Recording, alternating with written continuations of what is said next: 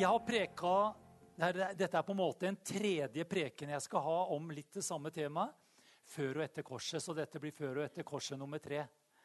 Og øh, eh, syns du dette er bra og liksom heller ikke helt skjønner hvorfor jeg plutselig er her nå, så må du gå hjem og så lytte på de to andre undervisningene. og Det finner du på podkasten vår på hjemmesida. Så det skal du bare gjøre. Eh, jeg har brukt utgangspunktet i 2. Timoteus 2,15, og da skal jeg lese fra The Passion Translation. Der står det Vær alltid ivrig etter å presentere deg selv for Gud som en perfekt og moden forkynner. Det er noe å strekke seg etter. Kjære Gud. Uten skam! Det syns jeg var herlig. Uten skam. Og så står det som en som forklarer sannhetens ord riktig. Og det er det vi har holdt på med her. Fordi at det fins faktisk også veldig mange kristne som er veldig forvirra om hva som gjelder, og hva som ikke gjelder. Og vi snakker om det som eh, det som eh, gjaldt i den gamle pakt, i Den gamle testamentet. Og vi snakker om hva som gjelder for oss i dag i den nye pakt, i den, i det, i den nye testamentet. Så etter korset og Jesu fullbrakte forsoning for alle mennesker der, eh, så handler den nye pakt alltid om hva Jesus har gjort først. Om du bare får den setningen inn, vet du, så, du, eh, så kommer veldig mange ting på plass i livet ditt. Da er det veldig mye som du kan slippe. For når, når, når, når Jesus døde og sto opp igjen, så vant jo han en fullkommen seier. Og han åpnet opp en ny pakt som vi kunne komme inn i sammen med ham. Og det, det vi har kommet inn i, er bare pga. Jesus. Og det er Jesus først, og det er Jesus sist. Og er det ikke Jesus først og Jesus sist, eh, så kan du sette en liten klamme på det. Eh, og det er veldig viktig. Om du leser i Bibelen, om du må gjøre veldig mye først for at du skal få Gud til å eh, respondere og gjøre noe tilbake, så er det veldig ofte et mønster som vi finner fra den gamle pakt. Skjønner? Hvis det ligger an at du må liksom finne opp kruttet, du må sette i gang og gjøre noe for at Gud liksom kan komme i gir og gjøre noe for deg og med deg, så er det et mønster fra den gamle pakt. Dette her er veldig bra skjønner du, når du får tak i dette, for det kan sette deg veldig fri. Amen. Eller så går rett, går rett inn i, i bibelteksten med en gang. kommer til å være noen bibelvers her. Det er i Matteus evangelium 19, 16-17. Der møter vi en ung mann. Eh, der står det følgende.: Så henvendte en ung mann seg til Jesus og bøyde seg for ham og sa:" Gode mester, hva godt skal jeg gjøre for å få evig liv? Det han spurte om, hva skal du gjøre for at jeg skal bli frelst? Da sa han til ham, det er altså Jesus som responderer på det, 'Hvorfor kaller du meg god?' Det var litt av en respons.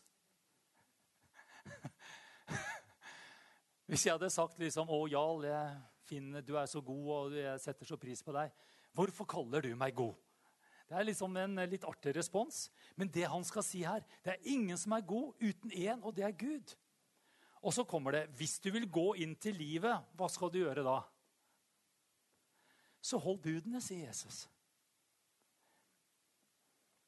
Så hvis du vil gå inn til livet, hvis du blir, blir frelst, få ditt navn skrevet i livets bok, så må du holde budene. Halleluja. Så det er vår eh, tydelige evangelistiske tale til deg i dag. Om du ikke er frelst, så har vi en stor smørbrødliste klar her til deg om bud og regler som vi skal overføre og gi til deg. Amen. Som du skal holde og leve etter i gode og onde dager. Glory Jesus. Hvor mange har lyst til å bli frelst? Men det er jo Jesus som har sagt det. Han sa 'hold budene', sa han til denne nydelige unge mannen. Og han begynte å ramse opp hvor rettferdig og selvrettferdig han egentlig var. Han holdt alle budene, og så sier Jesus liksom bare for å dra liksom godt teppe vekk under beina på ham, så sier han 'Men gå bort og selg alt du eier, du, gutten min'. Og så, Da kjente han, Der snubla han, vet du, for han var meget rik og gikk sørgmodig bort derifra. står det. Men her står det at du skal holde budene. Du vet, Det spørsmålet her kommer igjen seinere i apostlenes gjerninger. Husker dere, dere som er litt bibelvante? Det var to herlige brødre som var innelåkt i et fengsel. De heter Paulus og Silas. Og Der satt de og hang med huet og deppa. og var ordentlig sånn eh, små, småsutrete. Nei, der står det at de satt inne i dette fengselet og sang lovsanger og priste Gud. Og det var en sånn mektig lovsang at det resulterte i et gedigent jordskjelv. Og, og, det var så, så, voldsomt at eh, hele dette her fengselet bare prrr, eh, ramler sammen. Og alle fangene på en måte har mulighet da til å stikke. Og denne fangevokteren, som hadde da ikke vært så særlig hyggelig i begynnelsen, han skjønner at nå, nå er det ikke bare at jeg mister jobben, men dette kan koste meg mitt liv. Og da tenkte han jeg gjør det sjøl. Så han var på vei til å ta sverdet og ta sitt eget liv. Det er realiteten. altså Han var rett og slett, han ble suicidal. Han tenkte nå, dette, nå kan ikke jeg leve mer. Men så roper Paulus eller Silas eller begge to, hva vet jeg, og så sier han, 'Stopp!' sier han. 'Ikke gjør det!' Vi er her alle sammen. Tittei, hei, hei! Vi har ikke rømt. Det var ikke én fange som hadde rømt. Og da tenker jeg Det må ha vært en utrolig herlig lovsang som gjør at de fangene som nå bare kan stikke alle veier, de blir fortsatt værende der. Og så sier, eh, sier de, 'Ikke gjør det du har tenkt å gjøre'. Og så bare kommer den der nydelige fortellingen hvor han bare Så tok denne fangevokteren med seg Silas og Paulus ut. Og så står det i Apostlenes gjerninger 1630 Han spurte, 'Herre, hva må jeg gjøre for å bli frelst?' Og da sa de, 'Hold budene'. Ja, hva er det han svarte? Han sa Eller de, de svarte på likt, virker det som, for de står de svarte. Tro på Herren Jesus Kristus, og du skal bli frelst, du og ditt hus. Halleluja. Hva har skjedd? Hva har skjedd? Det har skjedd noe. Fra at de skulle holde budene, så plutselig så kommer Paulus og Silas og sier, 'Vet du hva? For å bli frelst, så må du tro.' Åh, jeg, nå får jeg litt sånn, jeg får fort gåsehud, da. Men, men, nå kjente jeg det bare Å, kjære Jesus. Vet du hva? Det har skjedd noe etter at Jesus sto opp fra de døde. Det har skjedd noe ved å komme inn i en ny og levende og bedre pakt. Det er ikke lenger budene som avgjør om vi er funnet lette eller tunge nok for Gud. Da er det snakk ene og alene ved tro. Amen. Skjønner du? Vi kunne jo sagt ja, men Jesus sa. Ja, han sa det, for det var en rett tid han sa det i. Det var under loven. Han opererte under loven, og han fullførte loven, og han fullendte loven. Skjønner du? Så det han sa, det var i rett tid.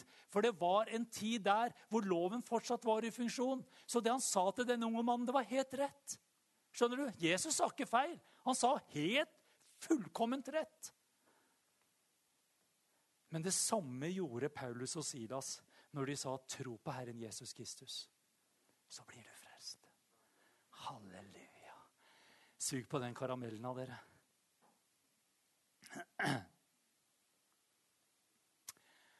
Halleluja. Ser du hvor viktig det er å vite forskjellen? Du skjønner, Hvis ikke vi på en måte deler Guds ord rett ut i forhold til den tida vi lever i, så blir det feil. skjønner du. Ja, men det er jo Guds ord. Ja, det er Guds ord. Men vi trenger å vite i hvilken sammenheng er dette her. Som jeg sa tidligere også, jeg kunne jo tatt fram og lest fra Gamle Testamentet. Jeg kunne slått dere i bakken alle sammen her. Jeg har sagt ja, men, eh, ja, men Jeg har sagt ja, det er Guds ord. Det er Guds ord. Men vet du hva? Skal, det er summen av Guds ord. Vi skal vite hvilken tid vi opererer i, sånn at vi på rett og riktig måte utdeler sannhetens ord, som gjør at du og jeg kommer i den friheten som Gud har for oss. Eh, og Nå skal jeg ta på noe som også er veldig spennende. skjønner du. Nå skal vi gå på det med tilgivelse og utilgivelse.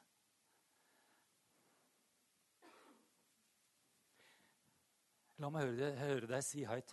Dette er viktig. Kjempebra. Jeg holder med deg. La oss gå til Markus evangelium kapittel 11. Der står det Når dere står og ber Jødene de likte å stå og be. Er noen av dere som har stått ved klagemuren noen gang? Det er fantastisk. Der står de jødene og ber.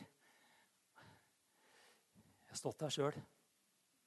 Eh, så står det når dere står og ber, hvis dere finner ut at dere, bæ, at dere bærer noe i deres hjerter og har noe imot noen, så står det så tilgi den det gjelder, slik at deres far i himmelen også kan tilgi dere overtredelsene, feilene og syndene deres. Og så står det, så kommer det alvoret. Men hvis dere ikke tilgir, da skal heller ikke deres far i himmelen tilgi dere overtredelsene og syndene deres. Alvorlig? Er det ikke det? Skal vi dra på enda litt til? Kom, bli med meg til Matteus kapittel 6 eh, og vers 14 og 15. For der står det For dersom dere tilgir menneskene å nå ha, Dette er det første som kommer etter denne vidunderlige bønnen som Jesus lærte sine disipler. Fader vår. Amen, sier han. Og så går han rett inn i dette her. For dersom dere tilgir menneskene deres overtredelser, misgjerninger og synder, så skal deres himmelske Far også tilgi dere. Men dersom hvis om at dere ikke tilgir menneskene deres overtredelser, da skal heller ikke deres far tilgi dere deres overtredelser og synder. Amen.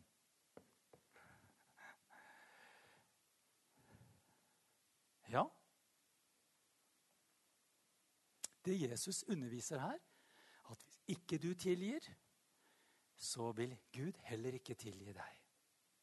Hvor mange her er eh, litt sånn åpen og veldig for å få Guds tilgivelse?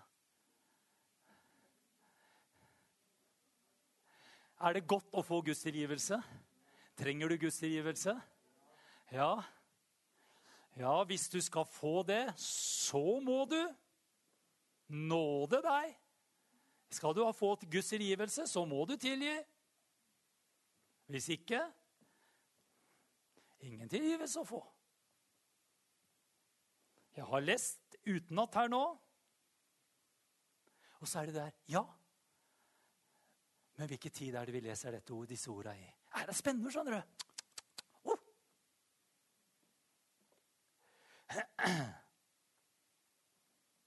Så vil jeg spørre, hva er det den første indikasjonen som jeg sa tidligere, på at dette omhandler det som var før korset? Hva er det som indikerer at det her er her, er ut ifra den gamle pakt? Det begynner med Det begynner med deg. Hvis du hvis dersom du tilgir, hva skjer da? Jo, da kommer Gud plutselig på banen og sier, 'Ja, har du tilgitt?' 'Ta imot min tilgivelse', sier han. Og så kommer han og så sier, 'Har du tilgitt?' Sliter fortsatt. 'Ok, da venter jeg med å tilgi.' Si fra når du er klar. Kan ikke tilgi deg før du har tilgitt. Vet du hva? Det er en klar indikasjon på at tilgivelsen står og faller på deg. Det er mange som lever i frykt, vet du. På grunn av de versene her. Så er det liksom usikkert. Har jeg tilgitt tilrekkelig? Mye nok? Eh, har jeg gjort det virkelig av hjertet? Har jeg vært sønderknust? Har jeg liksom hele meg tilgitt? For du vet at jeg kan jo bare møte deg ned i neste sving, og så kan jeg bare minne deg på den urettferdigheten som ble gått. Så er jo det greien, kjenner du følelsen hele greia opp igjen med en gang. du. Og så tenker du nei, ah, jeg har jo ikke tilgitt ordentlig. Og da kan jo ikke Gud tilgi meg, så nå må jeg gå en runde til. ikke sant? Sånn, sånn kan vi holde på. Jeg møter kristne jeg, som driver sånn. De går eh, sånne runder hele tida, for de er ikke helt sikre på om de har gjort det av hjertet. Og så er de jo redd for da at ikke Gud er i stand til å kunne tilgi dem.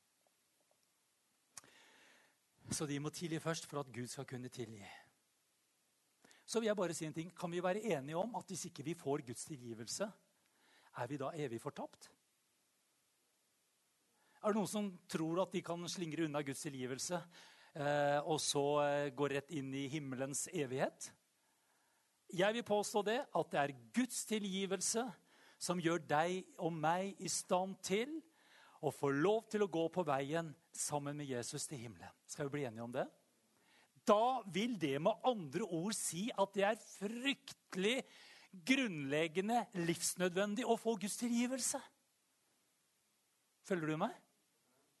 Å, dette er så bra, skjønner du! Jeg skal bare sette hele bunchen fri i kveld. Amen. For dette her det kan være som en sånn plagegreie i våre liv. skjønner du. Og i hvert fall hvis du har vært kristen lenge. Kanskje du som sitter helt nyfrelst der, du bare skjønner ikke hva er problemet. Og det skal jeg fortelle. Du kan bare snu deg til den siden som har vært frelst i 20 år. Så skal du få høre. Men mange sitter i et fangenskap pga. det her. skjønner du. Og, og, eh, Da kan vi nesten kalle at utilgivelse, det å ikke kunne tilgi, det er nesten som en dødssynd. Ja, det vil jeg påstå. Alvorlige saker vi driver på med her på Troens liv i kveld. Og så er det ikke bare det, vet du, men vi møter da på mennesker som har opplevd veldig vonde, traumatiske, vanskelige ting i livet. De er blitt utsatt for overgrep. De er blitt lyvd på masse urettferdighet. Og så kommer de og så tar de imot Jesus, og det første vi sier Og så må du tilgi.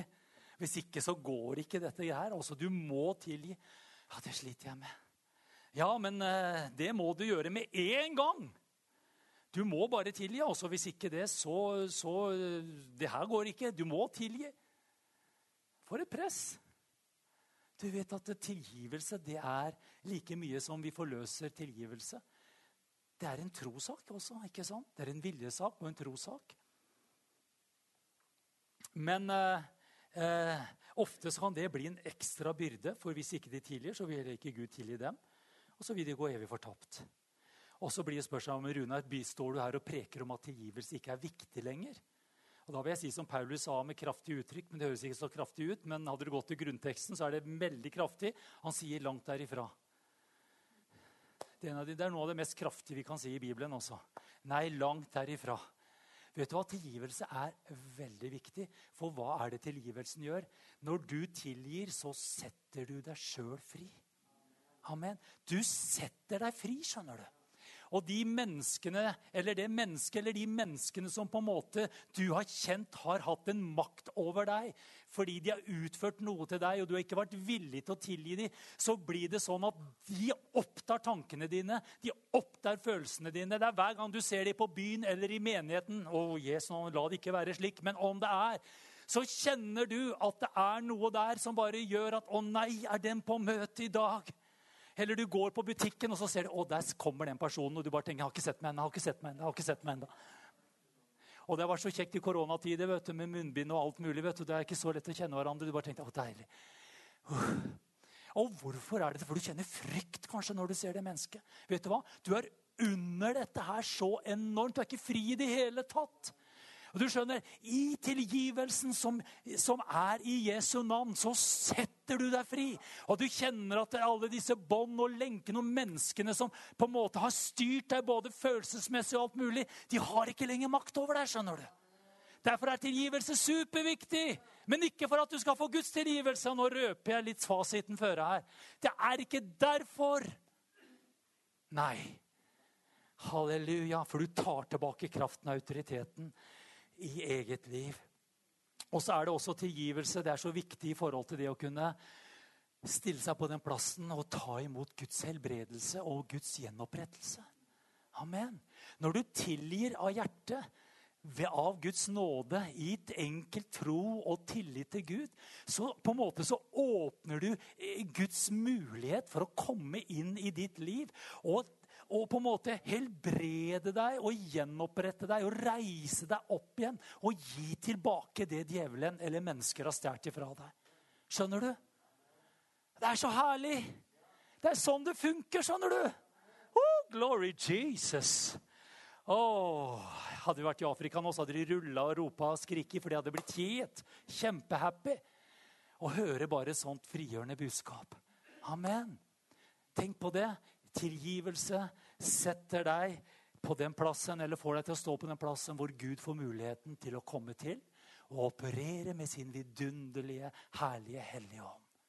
Amen. Og jeg bare opplevde så sjøl konkret i mitt eget liv. Jeg skal ikke gå inn i veldig historien der, men jeg, den personen som så uheldigvis kjørte over min kone og drepte henne Eh, og når jeg kunne bare komme opp til han, og så bare et par dager etterpå bare stille meg framfor der, og så bare sa jeg Jeg har ingenting imot deg. Og jeg tilgir deg av hele hjertet i Jesu Kristi navn. Amen. Å, vet du hva? Da kan du se mennesker inn i øynene. Selv om de ser tilbake på deg med stygge blikk, så kjenner du at jeg er fri. De har ingen lenger makt over meg. Å, for jeg er tilgitt i det navnet som jeg sjøl opplevde å bli tilgitt i. Det navnet som er over alle navn, og som bare å, gjør alt det som ikke jeg kan. Vil det si at du aldri vil kjenne følelsen igjen? Vil det si at du liksom går sånn eraser i hjernen på deg, du husker ikke episoden? Nei, langt derifra. Men det du skal alltid gjøre, det er å bare si 'Ja, men jeg har tilgitt'. Og så skal jeg gi deg et veldig godt tips. Lokk munnen din og snakk ikke så mye mer om det. For du skjønner, Hver gang du drar opp det, så er det som du bare river opp av en bandasje. Au! Au! Og da blir du lurt, skjønner, for da tror du ikke at tilgivelsen funker lenger. fordi du kjente at det gjorde vondt. Skjønner du? Det står ikke det. Tilgi, så skal du ikke kjenne det gjør vondt lenger. Nei, det står tilgi, så skal du bli fri. Amen. Det kan gjøre vondt, men det har ikke noe makt over deg. skjønner du. Det er det som er så herlig med tilgivelse. Åh. Jeg har jo sagt det tidligere, ikke sant? Utilgivelse og bitterhet. Det er det samme som at du drikker gift og håper at den som har skadet deg, kommer til å lide av det. Ikke sant? Og nå skal du få for alt det vonde du har gjort mot meg. Så drikker du gift, og den eneste som blir mer skada, det er jo deg. Ikke sant? Så utilgivelse det forkrøpler oss. altså Det gjør oss til krøplinger. Om ikke nødvendigvis på utsiden, så kan det gjøre faktisk det òg. Psykosomatisk. Ånd, sjel og kropp. Men vet du hva, det forkrøpler sjelslivet ditt, og du blir bitter. Gir seg rare, merkelige utfall. Men vet du hva? Tilgivelsen det bare røsker opp disse røttene. Og denne gifta som aldri du var ment å drikke, den kan du bare putte vekk og gi til Jesus alt sammen. Amen.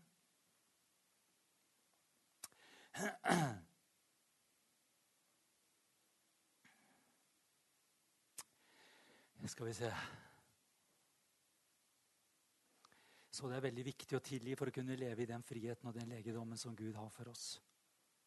Så jeg har skrevet en setning her. Men tror du at Gud kan tilgi før du selv har bedt om tilgivelse? Det er veldig sånn grunnleggende ting her i kveld, er det ikke det? Det Er nydelig? Det er jo akkurat sånne ting som du har lurt på. Og jeg. Tror du at Gud kan tilgi før du har fått tilgivelse? Og Derfor er det så viktig det her med rettferdiggjørelsen. Guds nåde og alt dette, at det ligger på plass. For jeg trodde jo at ikke Gud kunne tilgi meg før jeg hadde bedt om tilgivelse. Og var, altså når jeg var guttunge og ungdom, du, så var jeg jo så mye verre enn deg. Sånn at Jeg måtte jo be om tilgivelse for alt mulig hele tida. Og hvert fall før jeg la meg til Gud for å sikre meg billetten til himmelen. At ikke den røyk ut. Så måtte jeg jo forte meg å be om tilgivelse, sånn at jeg kunne få Guds tilgivelse. Hvis ikke så gikk jeg jo evig fortapt. Skjønner du? Og Det er jo det som mange kan slite med, fordi de har ingen forankring og røtter i sannheten om forsoningen, om rettferdiggjørelsen og Guds nåde. Vet du hva? Gud vil at vi skal være trygge, fundamenterte, solide kristne som ikke vippes av pinnen når det kommer til de tingene her. For det er så jeg kommer til å si det, i den siste tid kommer til å være, Vi har ikke tid til å holde på med dette. her. Det er derfor jeg underviser nå. Så ikke du kommer etterpå og sier ja, litt på det jeg preka om i, for 20 år siden. Skjønner du? Altså, Vi rydder en vei her nå. Sånn at Vi tror på vekkelse. Vi tror på at mennesker skal komme i hopetall. Og Da kan ikke du fly rundt der og, og putte nesa inn i ditt lille navlegrop her inne. Og holde på med deg sjøl og finne ut er jeg bra nok, er jeg sterk nok, og jeg elsker Gud meg nok, er jeg tilgitt nok. Du vet, Det er sånn det holder på. Du har ikke tid til det. Da må vi være der for menneskene og forløse Guds kraft inn i dem. Amen. Så får du glemme deg sjøl, vet du. Eh, ok, Efeserbrevet 432. Det begynner jo så fint, det verset her. Hør på det. Vær gode mot hverandre. Ah, er ikke det et fint ord? Vær gode mot hverandre. Klapp på kona eller mannen din som sitter ved siden av og si at jeg vil være god mot deg. Og som ikke du har en mann og kone ved siden av, så kan du si 'Jesus, klapp meg' og si 'Du vil være god mot meg'. Ja. Og der står det 'vær god mot hverandre'. står det 'vær barmhjertige og tilgi hverandre'. står det. Men så kommer det 'slik hva da, som Gud har tenkt etter hvert å tilgi dere i Kristus'. Står det det? Det står så herlig rett ut. Slik Gud har tilgitt dere i Kristus Jesus. Amen. Hvorfor skal vi, og hvorfor kan vi tilgi? Fordi du skjønner, nå har det snudd. Det begynner ikke med deg, men det begynner med Jesus Kristus. Fordi at Kristus har tilgitt oss. Derfor kan vi tilgi hverandre. Amen! Skjønner du? Juhu! Mønsteret kom på plass. Den nye pakt begynner med Jesus og ender med Jesus. Og midt imellom der får vi lov til å leve. Vi får, vi får Guds eh, tilgivelse, vi gir Guds tilgivelse, og så forløser vi Guds kraft i tilgivelsen. Amen, så blir brutte relasjoner bygd opp fordi hjerter bøyer seg, og man tilgir i Jesu navn. Og så blir det som var skadeskutt og ødelagt og alt mulig, det kommer på plass. Halleluja! Og vet du hva det begynner med? Det begynner med at du og jeg bare tar imot det og gir det videre. Og Det er så mange som sitter og venter på at den må komme først. Da sier jeg, hvor står det? Så sier Herren, vent på at han eller henne kommer og ber deg om tilgivelse, slik at du kan tilgi. Nei, det står ikke det. Det står 'henvendt til deg'. Tilgi du. Ja, men Det var mye verre det han gjorde mot meg. Det lille jeg har gjort. Det er jo ingenting å regne med. Det var bare som et resultat av det grusomme den gjorde. Det spiller ingen rolle. Sett deg sjøl fri. Og jeg skal bare love deg en ting. Når du tilgir i Jesu navn, i det navnet som tilga deg alle dine synder, så skal du se det begynner å skje noe. Kanskje ikke i morgen, kanskje ikke om en måned. Men det du gjør, altså, ofte så får du nød i ditt hjerte å be for den personen. vet du. Og den du ber for, den kobler og connecter du med på en helt annen måte. Og så kan du se at her begynner Den hellige ånd å arbeide i relasjoner. Sitt ikke og vent på at denne, disse menneskene skal tilgi. Tilgi du, og løs Guds hender til helbredelse, under, tegn og mirakler. Åh. Så etter korset så er det en ny rekkefølge, dere. Åh. Nå er det ikke lenger du som må tilgi først for å få Guds tilgivelse. Så står det i Kolossebrevet 3.13 så kommer det noe av det samme igjen. vet du. Så dere bærer over med hverandre. Oi, oi, oi. Det er herlig, vet du. Det er ikke alltid like lett. I know. Det er noen som må bære over med meg, og jeg må bære over med noen andre. men da bærer vi jo. Og så står det 'og tilgir hverandre'. Så står det hvis én skulle ha noe å bebreide andre for, for det kan godt hende at man har. Men så står det 'slik Kristus' Det begynner med ham. 'Tilga dere, skal dere også tilgi'. Slik Kristus tilga dere, skal dere også tilgi. Ja, men Jesus sa jo Ja, og det han sa, var helt rett. Men han sa også noe mer. Han sa at 'jeg skal være den som kommer med den nye vin'. Jeg er den som skal komme og opprette en ny pakt. Halleluja. Og Han sa også at den nye pakt som jeg skal opprette, er bedre enn den pakt som har vært. Amen. Og dette vi nå leser, er et resultat av og konsekvensen av den nye pakt som Jesus kom med. Er det ikke herlig? Bare lyst til å lese også litt Kolosserne 2, 13 og 14. Da står det også dere var døde ved deres overtredelser og uomskårne kjød kan dere på 13 fortelle hva det betyr?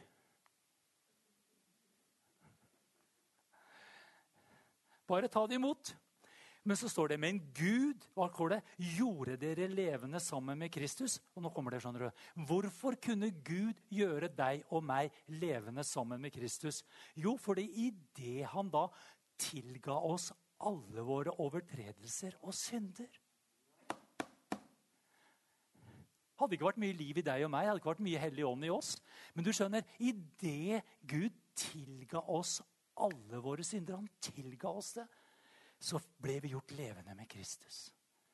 Det er konsekvensen av Guds tilgivelse for våre og dine og mine synder. Og det er så deilig, fordi at dette fungerer 24-7. Amen. Halleluja. Han utslettet skyldbrevet mot oss, som var skrevet med bud, det som gikk oss imot. Det tok han bort, han nagla det til korset. Halleluja. Så når Jesus en, eh, tok et oppgjør på korset og vant en evig seier, tror du at han vant en seier over all løgn?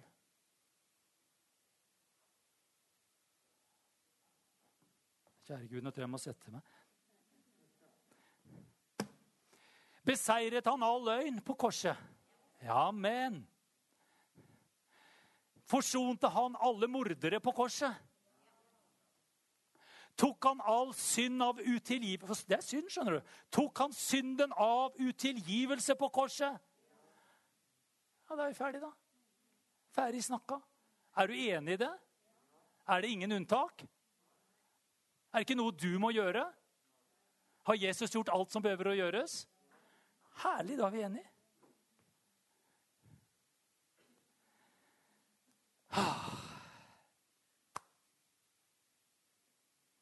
Takk Gud for at ikke han lenger holder det opp imot oss, dere. Amen. Og så har jeg lyst til å bare gå inn på et veldig herlig bibelvers som vi bruker veldig mye her. Og du bl.a. siterte det i dag i bønnen din når vi ba oppe, Liv. Og det har vi bruker det er et fantastisk vers som står i andre krønikerne 7.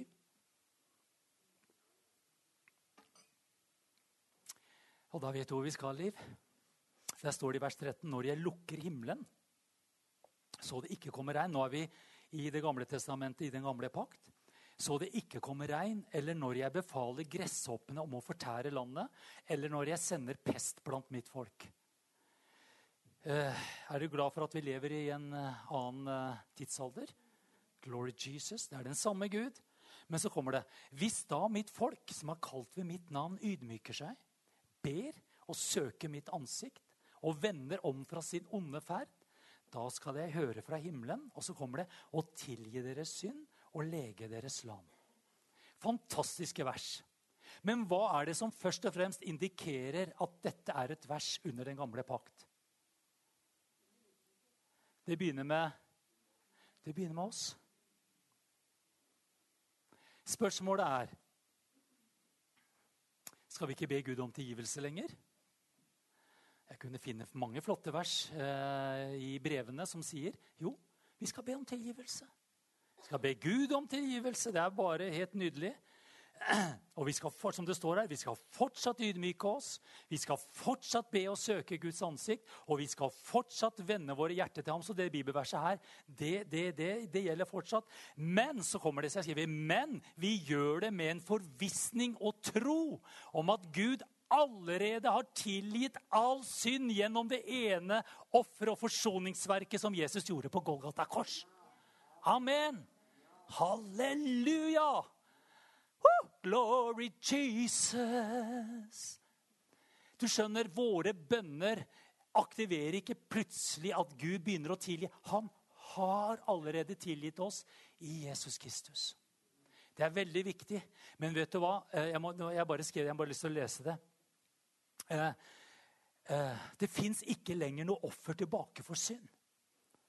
All synd i hele verden er allerede sonet. Skylden og gjelden er betalt. 1. Johannes 2, 1-2.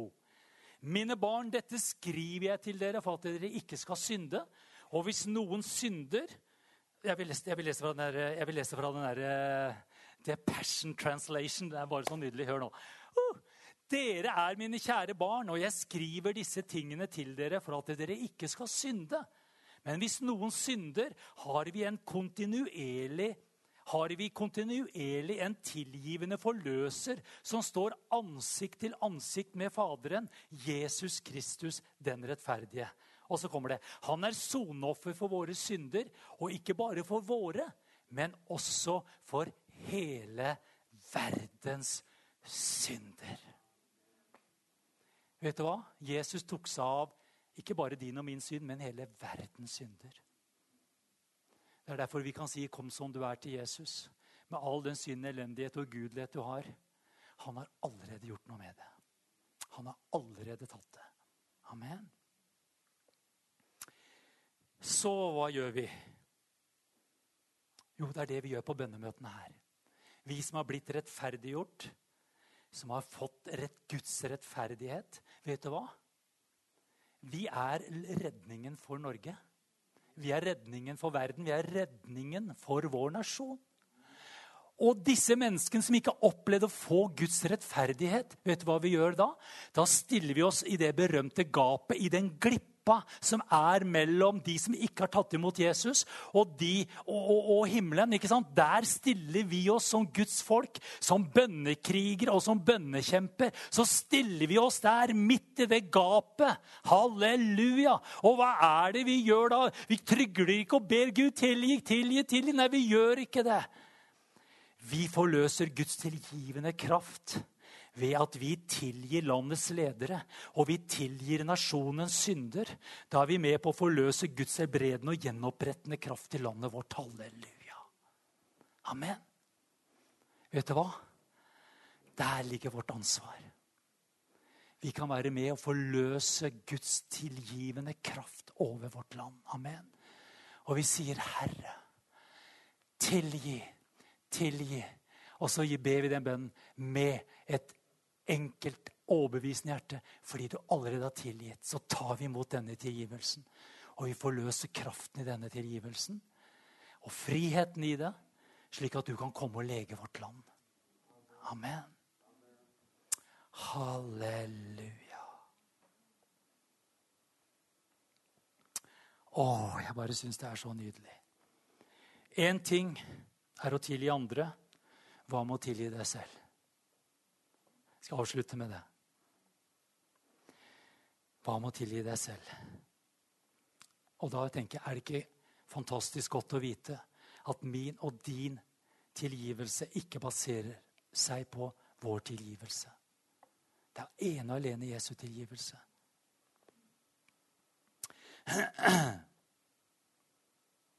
Bare jeg skrevet her, Jeg kan tilgi fordi Gud har tilgitt alle mine synder og overtredelser. Hvis han kan tilgi meg, hvem er, hvem er jeg som ikke kan tilgi meg selv eller andre? Og Der ligger noe av den friheten nå. Hvis ikke du klarer å tilgi deg selv, så har jeg en kjempegod nyhet til deg. Gud har allerede tilgitt deg. skjønner du. Han har allerede tilgitt deg. Ja, men Men du vet hva? På samme måte som Gud har tilgitt deg gjennom sin sønn Jesus Kristus, så må du også forløse og ta imot og tilgi deg sjøl. Du må tilgi deg sjøl.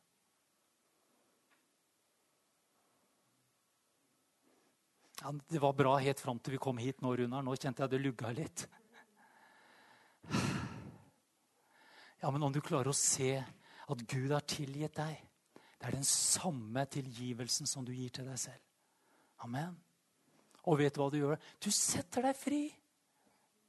Hvor mange er det som ønsker det blir deilig å bli fri fra seg sjøl? Å, kjære Gud, altså. Åh, tenk å bli fri fra seg sjøl. Tilgi deg sjøl. Du vet, du klarer ikke å det står at du skal elske de neste som deg selv. Du skjønner, Denne kjærligheten den klarer du ikke å, å, å på en måte leve i om, om, du sitter og har imot deg sjøl og ikke klarer å tilgi, tilgi deg sjøl. Det er veldig vanskelig å, å bare la denne kjærligheten flyte gjennom livet ditt. Gud har tilgitt deg, men det er et hinder. Amen.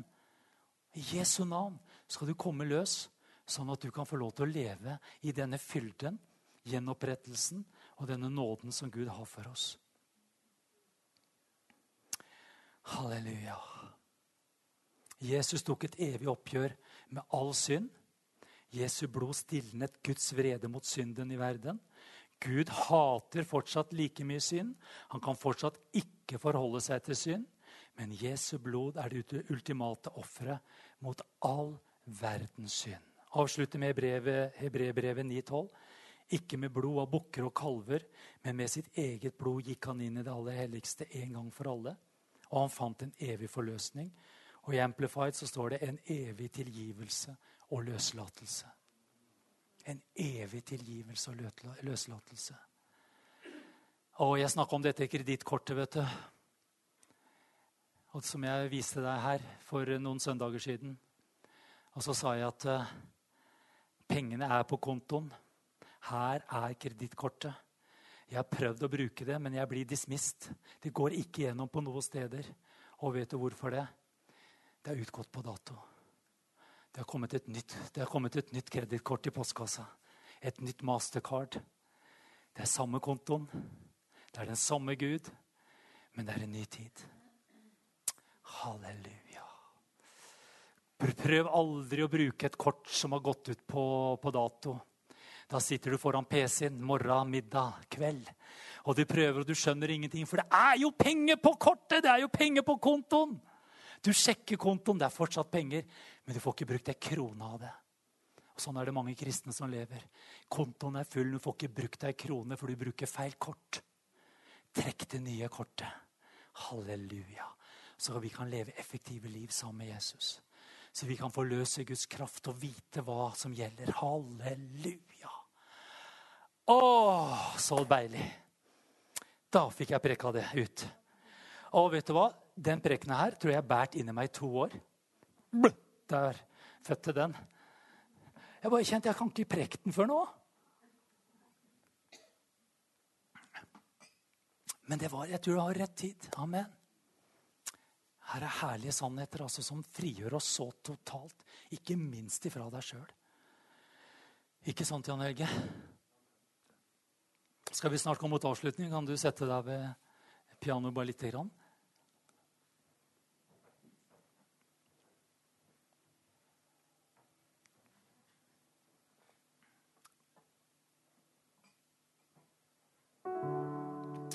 Takk, Jesus. Du er bare så god mot oss. Takk for den friheten som vi har i deg.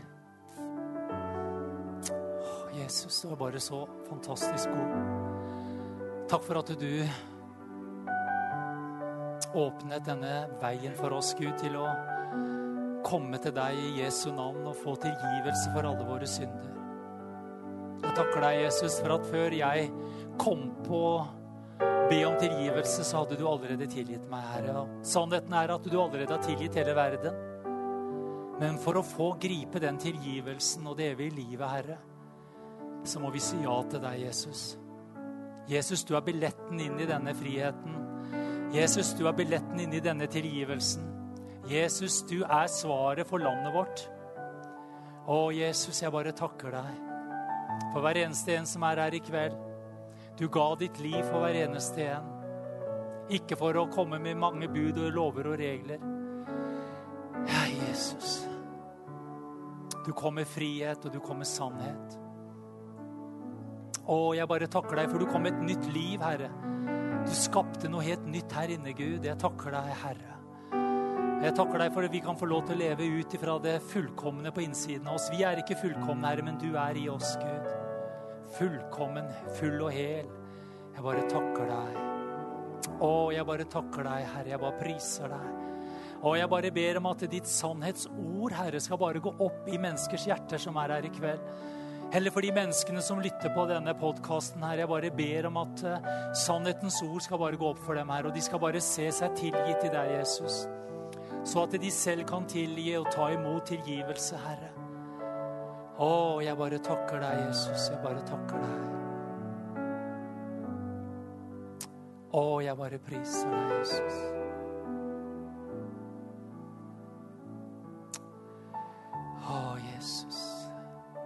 Skal vi bare reise oss opp og så prise Jesus? Takke ham. Tenk på alt han har gjort for oss, dere. Det er så ufortjent. Vær så god, Trine.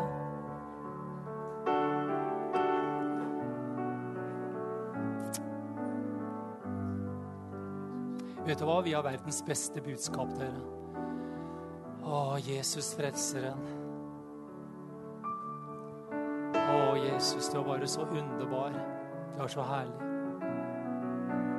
Ja, vi vil bare takke og takke for det. Jeg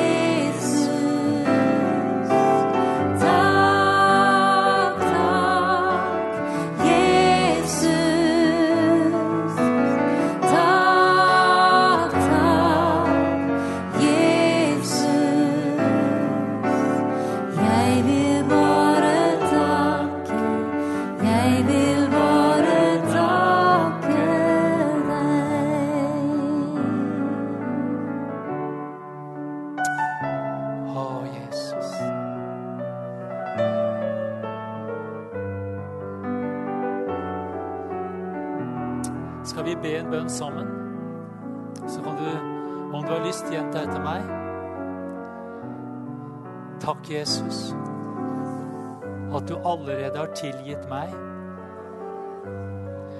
all min synd, all min elendighet.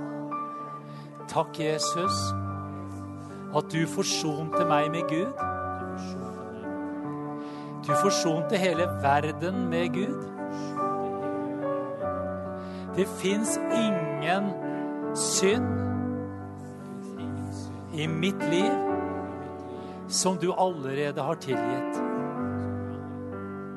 Som du allerede har tilgitt. Så i Jesu navn så bøyer jeg mitt hjerte. Og Din Hellige Ånd kommer meg til hjelp, så jeg kan vende meg bort ifra min synd og leve i frihet. Og jeg takker deg, Gud, for at din tilgivelse gjør meg i stand til å leve i tilgivelse hver dag. Hver dag velger jeg å leve i din tilgivelse. Og jeg velger hver dag å tilgi. I Jesu navn. Amen. Amen. Det er en god bønn. Tilgi deg sjøl. Gud har ikke noe opp imot deg, skjønner du. Han nagla det til korset. Smørbrødlista di, den nagla han til korset. Smukk, smukk, smukk. Der ble den hengende. Glory Jesus. Gud vet ikke hva du prater om. Det gamle er borte, se alt er blitt nytt. Hold fast på det nye. Begrav det gamle, og det skal vi gjøre til søndagen. Skal vi begrave det gamle. Og så skal vi holde fast på det nye. Det nye livet i Jesus Kristus. Halleluja. Der ligger seieren. Der ligger kraften. Der ligger gjennombruddet. Amen. Ja, da kjenner jeg meg ferdig.